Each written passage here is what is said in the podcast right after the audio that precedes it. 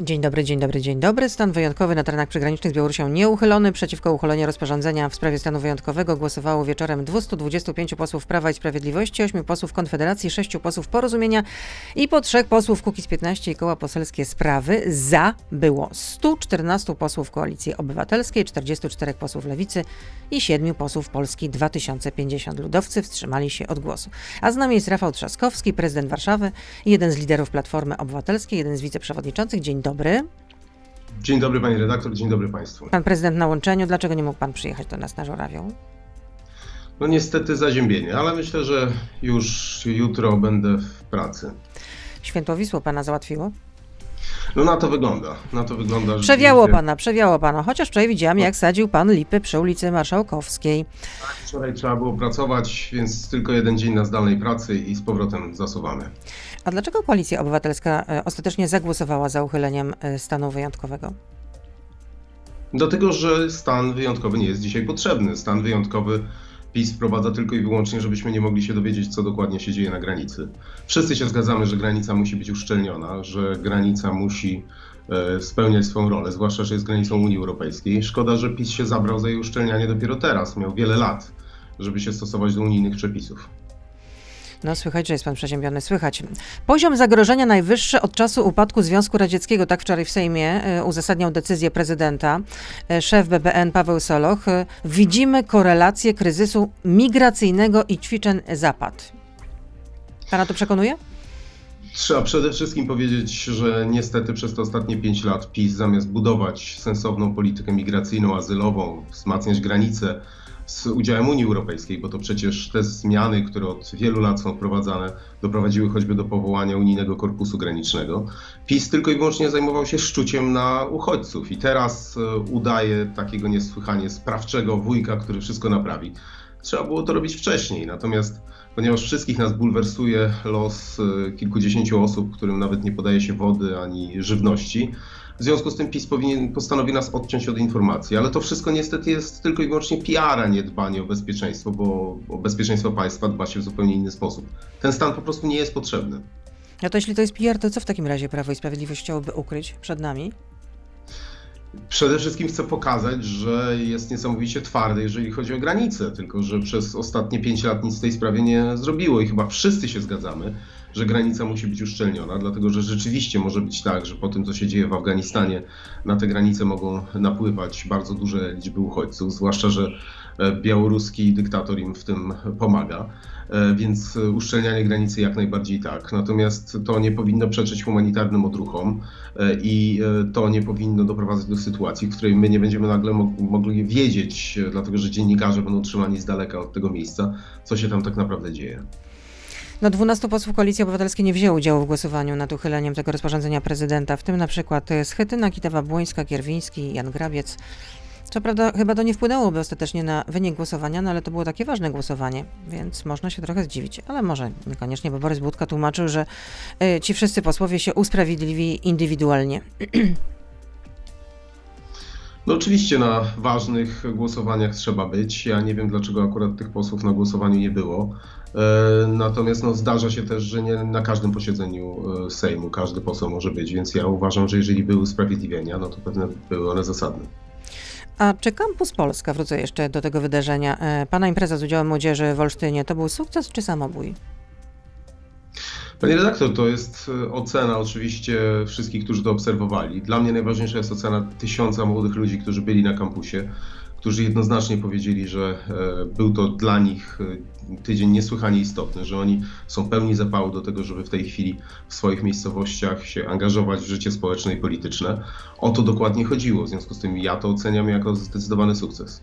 No ja pytam pod, w kontekście, y, że padły tam jednak słowa, kilka wypowiedzi ze strony polityków Platformy Obywatelskiej, które mogą i pewnie będą wykorzystywane w kampanii wyborczej przez polityczną konkurencję. Mam na myśli tutaj posła y, z Nitrasa, mam na myśli profesora Grodzkiego, Elżbietę Bieńkowską, byłą komisarz unijną. Panie redaktor, tylko po pierwsze te wypowiedzi były wyjęte z kontekstu, jak to zwykle bywa i mało kto postanowił wysłuchać ich całości, czy przeczytać w całości, tylko próbuje się narzucać swoją własną. No tak, tylko że y, natura mediów współczesnych jest właśnie taka, że no, To pozostanie jednak w świadomości, właśnie takie e, e, e, zbitki myślowe. Wracać, to znaczy, no albo się będziemy godzili z tym, że po prostu każda nasza wypowiedź może być wyjęta z kontekstu. I jeżeli tak jest, no to w takim razie nie należy niczego organizować, tylko trzeba siedzieć w domu, po prostu tylko i wyłącznie chodzić do mediów i klepać te wyuczone cztery formułki, po to, żeby broń Boże nie powiedzieć czegoś, co może być później wykorzystane przeciwko nam. Ja się z taką polityką nie zgadzam. Ja uważam, że trzeba iść do ludzi, trzeba być odważnym, trzeba zdecydować się na otwartą debatę. Jestem ciekaw, czy e, Kaczyński z Morawieckim mogliby prowadzić otwartą debatę i odpowiadać na pytania, czy nawet koledzy po stronie i koleżanki po stronie opozycyjnej, czy byłoby ich na to stać. Ja uważam, że otwartość jest niesłychanie istotna, kontakt z młodymi ludźmi, właśnie e, brak bojaźni przed trudnymi pytaniami i uważam, że na tym wygramy. A jeżeli będą wycinane nasze wypowiedzi z kontekstu i potem używane przeciwko nam, no taka jest polityka. Wydaje mi się, że, że ta otwartość i próba przede wszystkim dotarcia do młodego pokolenia i nauczenia się czegoś od nich, bo to jest niesłychanie istotne, będzie procentować. No mam nadzieję, że pan nie przychodzi do Radia Z i nie, nie klepie wyuczonych formułek, jak pan powiedział. Mam nadzieję, że tak nie jest. A czy Sławomir... Większość z nas nie jest w stanie sobie pozwolić na pełną otwartość i pełny, pełny że tak powiem, e, entuzjazm w odpowiadaniu na pytanie, bo przez cały czas się zastanawiamy z tylu w tyle głowy, a co będzie, jaki będzie tytuł, a co zostanie wycięte z naszej wypowiedzi. No taka jest dzisiaj natura mediów i dlatego trzeba rozmawiać z ludźmi, dlatego trzeba dać im szansę na to, żeby wysłuchali wszystkich naszych e, poglądów, żeby był moment na odpowiedź na pytania te trudne, które zadają e, młodzi ludzie i uważam, że na tym można tylko i wyłącznie wygrać. A w mediach trzeba oczywiście oczywiście uważać, trzeba być bardzo precyzyjnym. W takiej debacie, kiedy się odpowiada półtorej godziny na e, pytania młodzieży. Można czasami... popłynąć czasami, można popłynąć, to prawda. Czy Sławomir na Nitrasa czekają partyjne konsekwencje? E, za to, że jego wypowiedź została wyjęta z kontekstu. No, Sławomir Nie, za to, co powiedział, że, będzie, że trzeba będzie opiłować katolików. Ale no widzi pani ale pytam, czy Sławomira Nitrasa e, czekają jakieś partyjne konsekwencje, bo y, dlaczego o to pytam? Ponieważ według doniesienia jednego z, z portali, portal wprost donosi, że Donald Tusk, PO przewodniczącego Platformy Obywatelskiej miał się po prostu wściec z tego powodu i że będą konsekwencje, że Nitras może zapomnieć o tym, że miałby zostać szefem regionu zachodniopomorskiego, a podobno o tym marzy. Po pierwsze, proszę nie czytać tych ploteczek, dlatego że one nie mają nic wspólnego z rzeczywistością. Ja już wielokrotnie byłem pytany w mediach o jakieś ploteczki, które ktoś złośliwy podesłał redakcji nie zostały one w żaden sposób zweryfikowane. Po pierwsze, e, Sławomir Nitras nie chce być żadnym szefem regionu, to po pierwsze. Po drugie, powiedział jasno, jako z pozycji e, zatroskanego katolika, bo jest katolikiem z bardzo konserwatywnej rodziny, o tym, co się dzieje w tej chwili w kościele. I nikt, kto wysłuchałby całej tej wypowiedzi, nie mówiłby o katolikach, bo katolicy nie mają żadnych przywilejów w Polsce, natomiast ma je Kościół katolicki. Była rozmowa o instytucji. No, ale jednak ta wypowiedź była taka, że można było to odnieść jednak do, do wspólnoty katolików, a nie do hierarchii kościelnej. Podsumowując naszą rozmowę w części, w części radiowej, rozumiem, że e, Sławomir Nitras może spać spokojnie. Oczywiście, że tak. No to tyle właśnie w części radiowej. Rafał Trzaskowski, prezydent Warszawy i wiceprzewodniczący Platformy Obywatelskiej oczywiście z nami zostaje. Jesteśmy na Facebooku, na Radio ZB.pl. Beata Lubecka. Zapraszam. Y, po tym y, właśnie kampusie Polska, przypomnę, że Rafał Trzaskowski jest z nami, również padały takie y, opinie, że jakoby Platforma miała być teraz partią antychrześcijańską. Jak się pan do tego odniesie? Oczywiście, że to absurd. Jeszcze raz powiem, że dyskusja o kościele, o rozdziału kościoła od państwa jest dyskusją bardzo trudną. I jeżeli e, katolicy, którzy są zatroskani tym, co się dzieje, mówią jasno o tym, że e, zaangażowanie polityczne kościoła dzisiaj e, w dużej części hierarchów no, będzie miało takie, a nie inne konsekwencje, no to chyba warto o tym rozmawiać i się nad tym pochylić. Warto rozmawiać na ten temat w sposób otwarty. Natomiast jasnym jest to, że wszyscy mamy szacunek dla tradycji e, i chcemy po prostu tego, co jest fundamentem nowoczesnego państwa, czyli rozdziału Kościoła od państwa, nic więcej.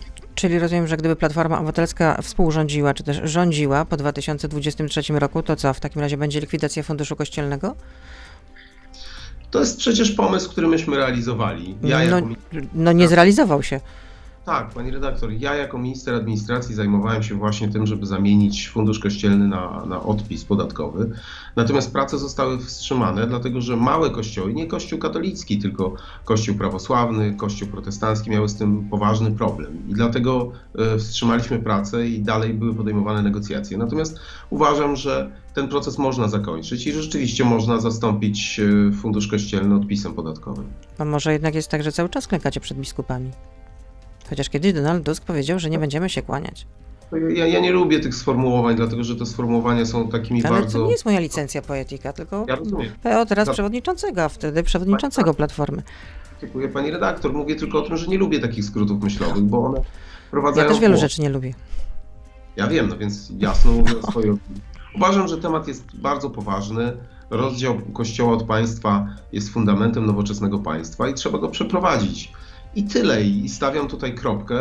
Uważam też, że jeżeli słyszymy głosy zatroskanych katolików, którzy obserwują odpływ ludzi od e, Kościoła, między innymi właśnie dlatego, że Kościół e, angażuje się często w politykę, że niestety nie daje świadectwa w sprawach bardzo trudnych. Ja widziałem dosłownie kilku tylko księży, którzy chciał pomaga- chcieli pomagać uchodźcom, a przecież Kościół mógłby się w to zaangażować w sposób dużo bardziej, e, dużo bardziej asertywny.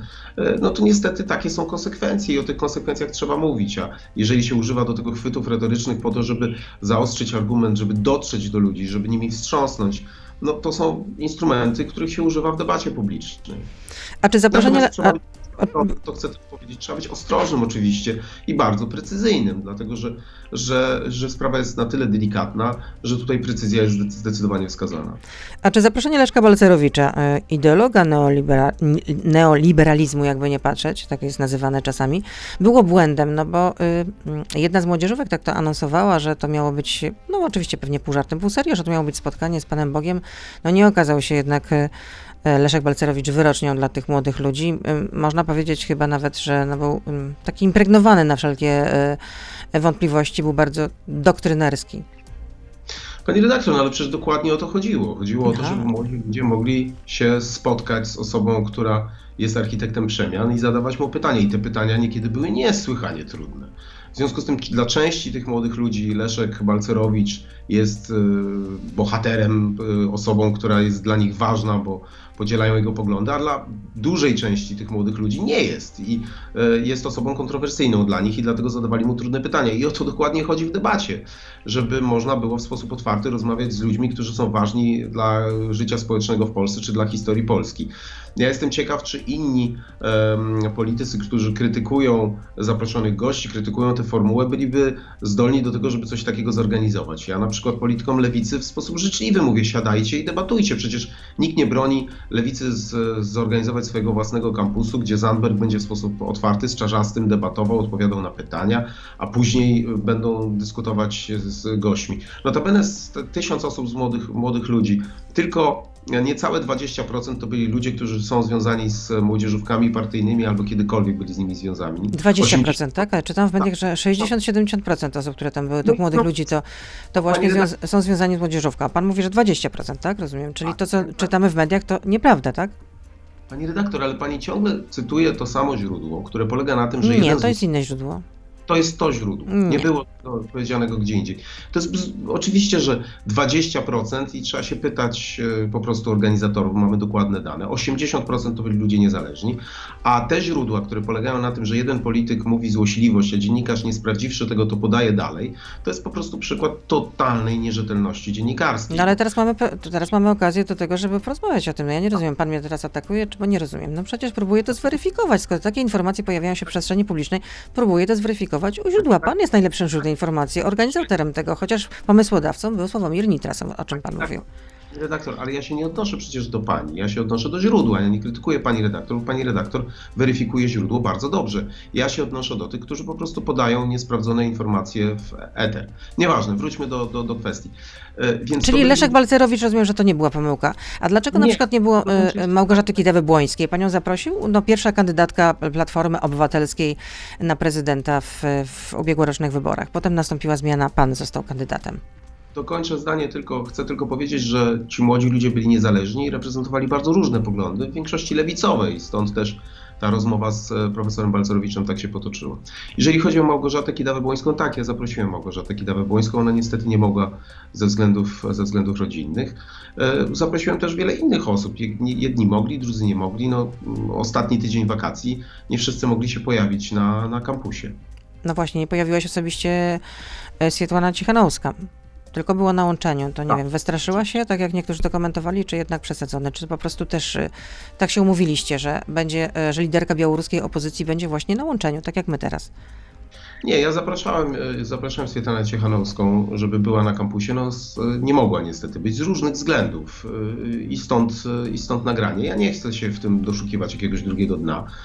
Niestety też ze względu na COVID, no wielu gości było, było wirtualnie, ponieważ z różnych względów przyjazd do Polski dla nich był trudny. Podczas kampusu powiedział Pan, że e, jednym z największych e, błędów Platformy Obywatelskiej było to, że e, nie uchwalono ustawy o związkach partnerskich. A może jednak większym błędem było to, że Platforma Obywatelska no, arbit, arbitrar, arbitralnie narzuciła Polakom podwyższenie wieku emerytalnego. Nie było wtedy takiej rzetelnej dyskusji, rzetelnej debaty.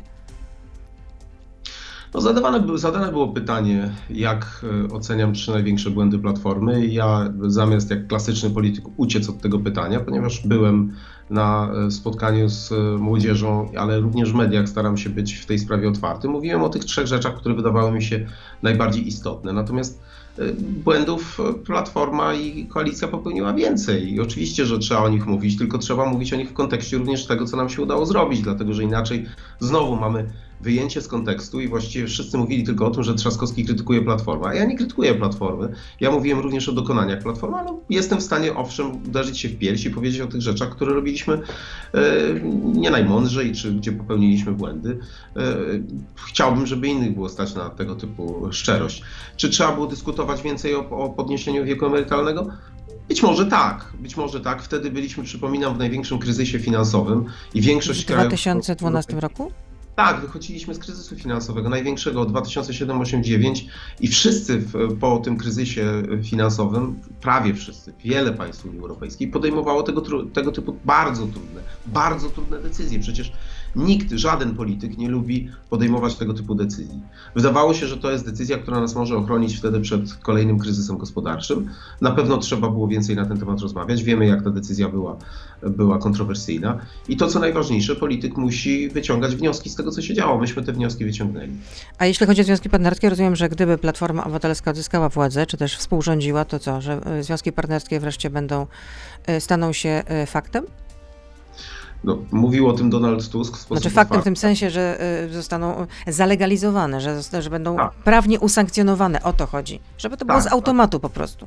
Mówił, mówił o tym o, w sposób otwarty też w odpowiedzi na pytania Donald Tusk, że związki partnerskie będą jedną z decyzji nowego rządu. W związku z tym, jeżeli będzie rząd opozycyjny, w związku z tym, w związku z tym tak, e, związki partnerskie powinny być wprowadzone i uważam, że E, że to jest fundament nowoczesnego państwa. Zresztą większość Polek i Polaków się z e, tym zgadza, e, co też pokazuje ewolucję w naszym społeczeństwie. Nie wiem, czy pan widział, jest sondaż, który wskazuje jednocześnie, jednoznacznie, kto jest liderem po stronie opozycji. Donald Tusk 32% wskazań, na miejscu drugim Rafał Trzaskowski 17%, a na trzecim Szymon Hołownia 7%. Donald Tusk jest przewodniczącym Platformy Obywatelskiej, największej najsilniejszej partii opozycyjnej, więc, więc y, ten cały sondaż oddaje po prostu rzeczywistość. Nic w tym dziwnego nie ma. A przypadło panu do gustu Jaśmina?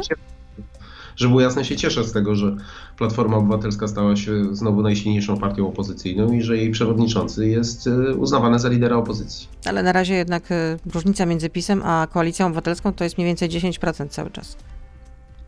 Tak, to prawda, dlatego że PiSowi się udało tę prawą stronę e, sceny politycznej skonsolidować poza Konfederacją. Natomiast po stronie opozycyjnej jest, jest kilka sił politycznych i stąd trudno, żeby był wynik e, idealny identyczny do PiSu. Natomiast mam nadzieję, że notowania Platformy Obywatelskiej będą rosły.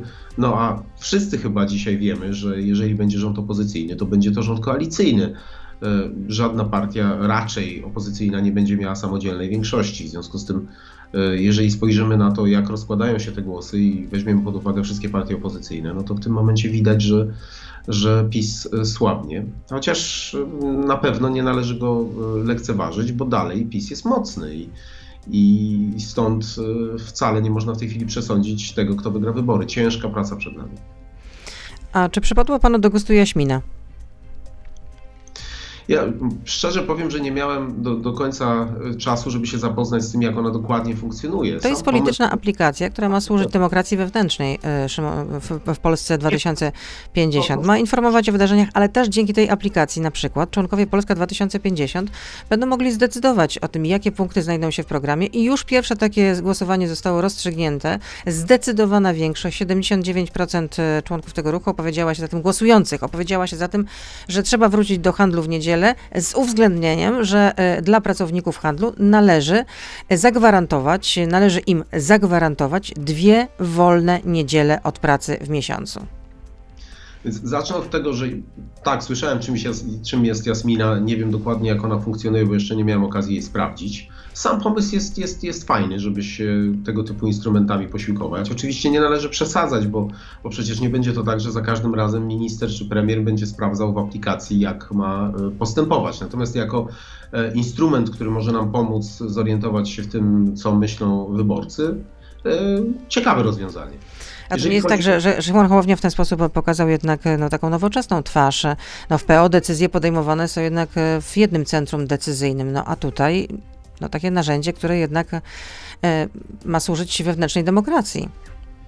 Ale przecież to jest tylko i wyłącznie narzędzie pomocnicze. No przecież to nie ma polegać na tym, że Szymon Hołownia będzie zawsze podejmował decyzję tak, jak mu podpowie aplikacja.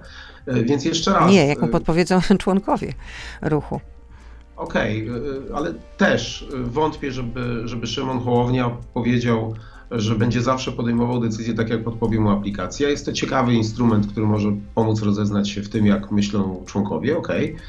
Ja wolę rozmawiać z ludźmi, może tutaj rzeczywiście jesteśmy trochę oldschoolowi, ale instrument fajny, tylko on oczywiście świata nie zbawi i na pewno nie, nie mm, doprowadzi do tego, że wszyscy stwierdzą, że w związku z tym, że ktoś się posługuje tego typu instrumentami, to należy na niego głosować. Ale Instrument ok. Sam jestem ciekaw, jak funkcjonuje, bardzo chętnie się z tym zapoznam, jak tylko będzie odrobina czasu. I jakby nie było, żyjemy w epoce cyfrowej. Pan Zeskoniec pyta, yy, słuchacz, czy nominacja Donalda Tuska na szefa PO bez wyborów, czy to jest przejaw braku zasad demokratycznych w partii? Donald Tusk zapowiedział, że wybory będą. W związku z tym myślę, że to, znaczy nie myślę, tylko wiem, że, że ten wybór będzie po prostu potwierdzony w sposób demokratyczny. Zresztą Donald Tusk od samego początku o tym mówił. Ja co prawda byłem zwolennikiem, żeby te wybory przeprowadzić wcześniej, ale większość koleżanek i kolegów e, podjęła inną decyzję, a wybory będą. A teraz pan stanie do tej rywalizacji? Czy już pan rezygnuje z tego? Nie, ponieważ no, nie było apetytu na, na wewnętrzną konkurencję. Wszyscy się skupili na tym, żeby wzmocnić Platformę Obywatelską tu i teraz. Ja to rozumiem. E, chciałem porozmawiać o, o przyszłości, o tym, jak to dokładnie będzie wyglądało, ale większość koleżanek i kolegów podjęła inną decyzję, więc ja to akceptuję. W tej chwili uważam, że powinniśmy się po prostu skupić na wyborach powszechnych, na tym, jak wygrać, jak wygrać z PiSem, jaką mieć ofertę dla wyborców i na tym się zamierzam skupić. Czyli rozumiem, że członkowie Platformy Obywatelskiej postawili zdecydowanie na Donalda Tuska, a nie na Rafała Trzaskowskiego. Jeżeli chodzi o decyzję prezydium, wtedy kiedy Donald Tusk stwierdził, że chce wracać, tak, uzyskał poparcie olbrzymiej A partyjne doły? To partyjne doły będą, zresztą nie lubię tego, tego określenia, ale no, członkowie partii będą mogli się wypowiedzieć w wyborach, zwłaszcza regionalnych, ale również tych na przewodniczącego. No i moje rytualne pytanie z mojej strony. Co z obywatelskim projektem e, likwidacji TVP Info? Podpisy zebrane, z tego co y, słyszałam. 100 tysięcy wymagane zebrane, ale co dalej? Składacie ten projekt, czy na razie, że tak powiem, wylądował w szafie? Nie, nie, powinny być złożone. Złożone będą w, prawdopodobnie w przyszłym tygodniu, e, dlatego że uwa uważamy wszyscy, że taka debata w Sejmie się powinna odbyć. No niestety większość wniosków opozycji ląduje w koszu. E, tutaj przez tryb zbierania podpisów projekt obywatelski mamy szansę wreszcie na ten temat porozmawiać w sposób otwarty w Sejmie o tym, jakim narzędziem nieprawdopodobnej manipulacji stała się telewizja publiczna i myślę, że warto taką, taką debatę odbyć. No ale z jednej strony postulujecie, protestujecie przeciwko Lex TVN, a z drugiej strony chcecie zlikwidować e, kanał y, państwowej telewizji, kanał informacyjny. Chcielibyście, bo raczej za tej władzy to, nie nastąpi. Ja nie widzę w tym żadnej sprzeczności. Jeżeli mówimy o niezależnych nadawcach, no to chyba jest jasne, że w demokratycznym państwie nie można ograniczać e, ich możliwości, to co robi PiS. A zupełnie czym innym jest wykorzystywanie telewizji e, publicznej za publiczne pieniądze do tego, żeby siać, e, siać zamęt, manipulację i propagandę. To są zupełnie dwie osobne kwestie. Nie rozumiem, jak można je łączyć. Rafał Trzaskowski z nami, prezydent Warszawy, wiceprzewodniczący Platformy Obywatelskiej. Panie przewodniczący, panie prezydencie, co by pan zrobił, gdyby pana żona, czysto hipotetyczna sytuacja, zamieściła w sieci nagie zdjęcie? Ja nie zajmuję się rozpatrywaniem e, sytuacji, które są czysto hipotetyczne, dlatego że wtedy musiałbym się zajmować tylko tym, rozważaniem różnych scenariuszy.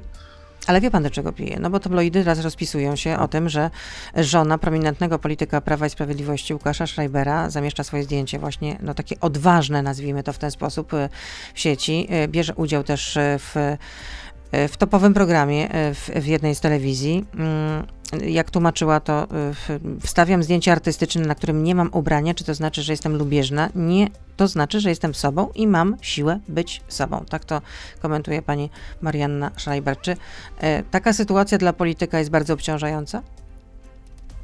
Ja w ogóle nie rozumiem tego szumu, dlatego że pani Maria Schreiber jest. E, Marianna. Jest, Marianna, przepraszam. Pani Marianna Schreiber jest osobą całkowicie, całkowicie niezależną.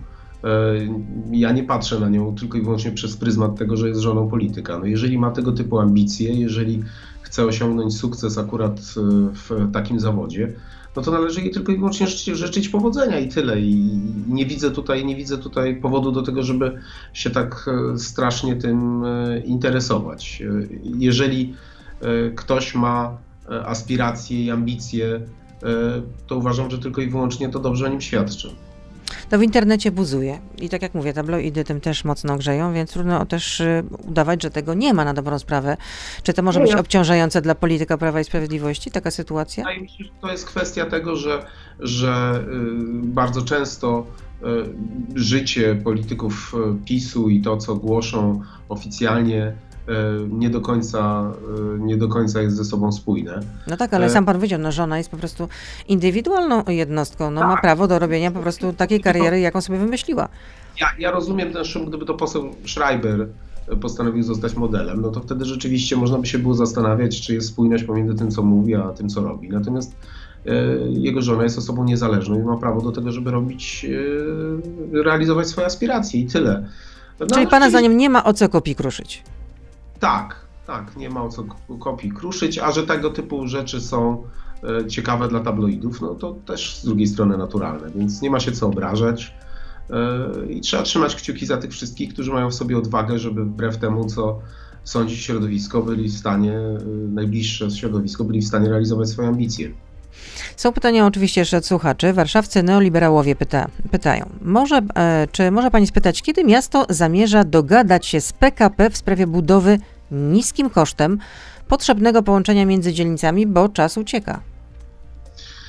Rozmowy z PKP są trudne i ponieważ w bardzo wielu kwestiach, choćby kwestii zagospodarowania tej pierzei e, od Pałacu Kultury i Nauki, która jest po stronie alei, te rozmowy są zawsze trudne, no ale prowadzimy takie rozmowy i też uważam, że jeżeli chodzi o mm, te linie kolejowe, które są wewnątrz miasta, że one mogłyby być lepiej wykorzystane. E, I takie rozmowy będziemy cały czas prowadzić w dobrej wierze.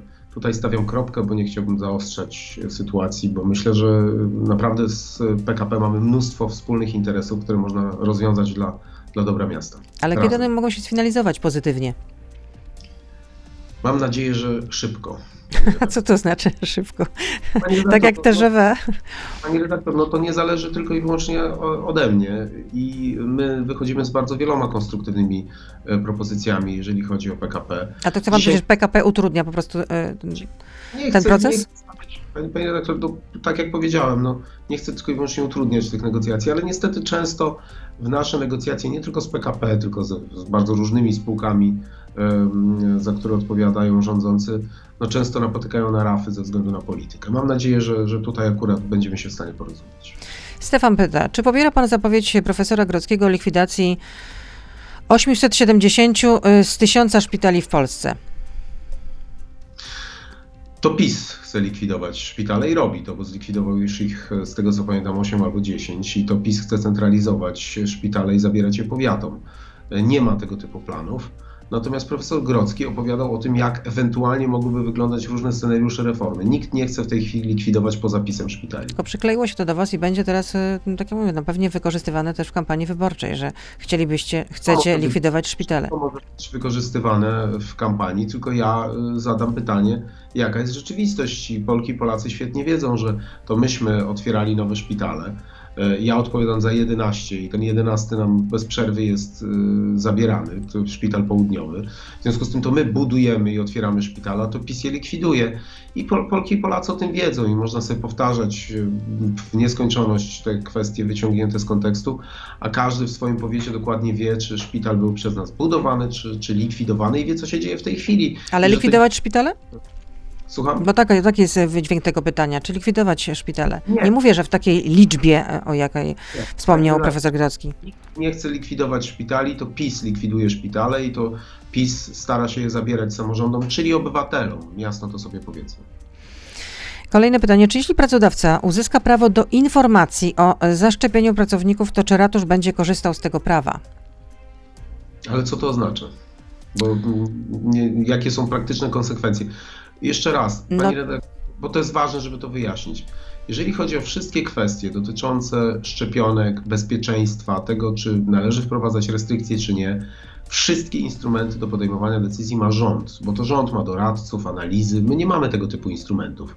Jeżeli się mnie pani redaktor zapyta, czy lepszy jest totalny lockdown, czy stać nas na kolejny lockdown, czy ludzie, którzy są zaszczepieni, powinni ewentualnie móc liczyć na pewne preferencje, no to chyba wszyscy się zgadzamy, że lepiej, żeby ludzie, którzy się zaszczepili, mieli preferencje, niż żebyśmy zamknęli całą gospodarkę. I tu postawię kropkę. Natomiast czekam na to, jakie decyzje podejmie rząd i mam nadzieję, że będzie je konsultował z samorządami. Anna pyta, e, czy ścieki i odpady z Warszawy nadal trafiają na wysypiska pola uprawne w Polsce?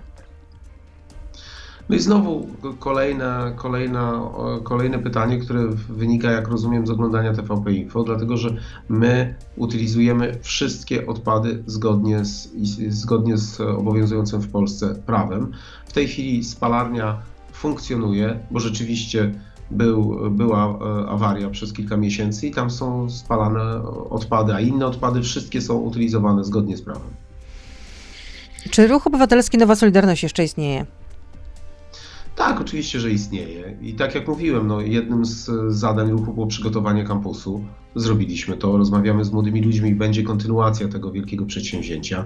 Konsolidujemy samorządowców i zamierzamy łączyć ze sobą wszystkie stowarzyszenia samorządowe, tak żeby nasz głos był jak najbardziej słyszalny. W związku z tym te wszystkie najważniejsze dla mnie inicjatywy są realizowane. I pytanie, które powraca jak bumerang, ale zadam je, bo no rzeczywiście no, pojawia się co i róż. Y, Kiedy będzie w Warszawie ulica Lecha Kaczyńskiego? Jak radni, którzy podejmują te decyzje, będą do tego przekonani, a na razie większości w Radzie nie ma. No ale większość w Radzie mają y, radni Platformy Obywatelskiej, Koalicji Obywatelskiej. Zgoda. I mają zdanie takie, o jakim powiedziałem. Uważają, że to nie jest dobry moment, żeby wprowadzić ulicę Lecha Kaczyńskiego. A moje zdanie pani redaktor zna na tej, w tej sprawie. Tak, pan mówił, że zawsze po wyborach, po, przed wyborami to nie jest odpowiedni moment, ale nie chce pan przekonywać swoich kolegów partyjnych, że może jednak warto? Ale przekonywałem, natomiast radni są, są zdania, że to nie jest moment y, do tego odpowiedni. I tyle. I tu stawiam kropkę. Dziękuję za to spotkanie. Rafał Trzaskowski, prezydent Warszawy, wiceprzewodniczący Platformy Obywatelskiej, był z nami. Życzę zdrowia oczywiście, bo zdrowie jest najważniejsze. Dobrego. Dobrego dnia, do usłyszenia, do zobaczenia i e, liczę na to, że następnym razem spotkamy się już face, face to face. Tak jest. Dziękuję bardzo. Do usłyszenia, kłaniam się. To był gość Radia Z. Słuchaj codziennie w Radio Z i na player radioz.pl.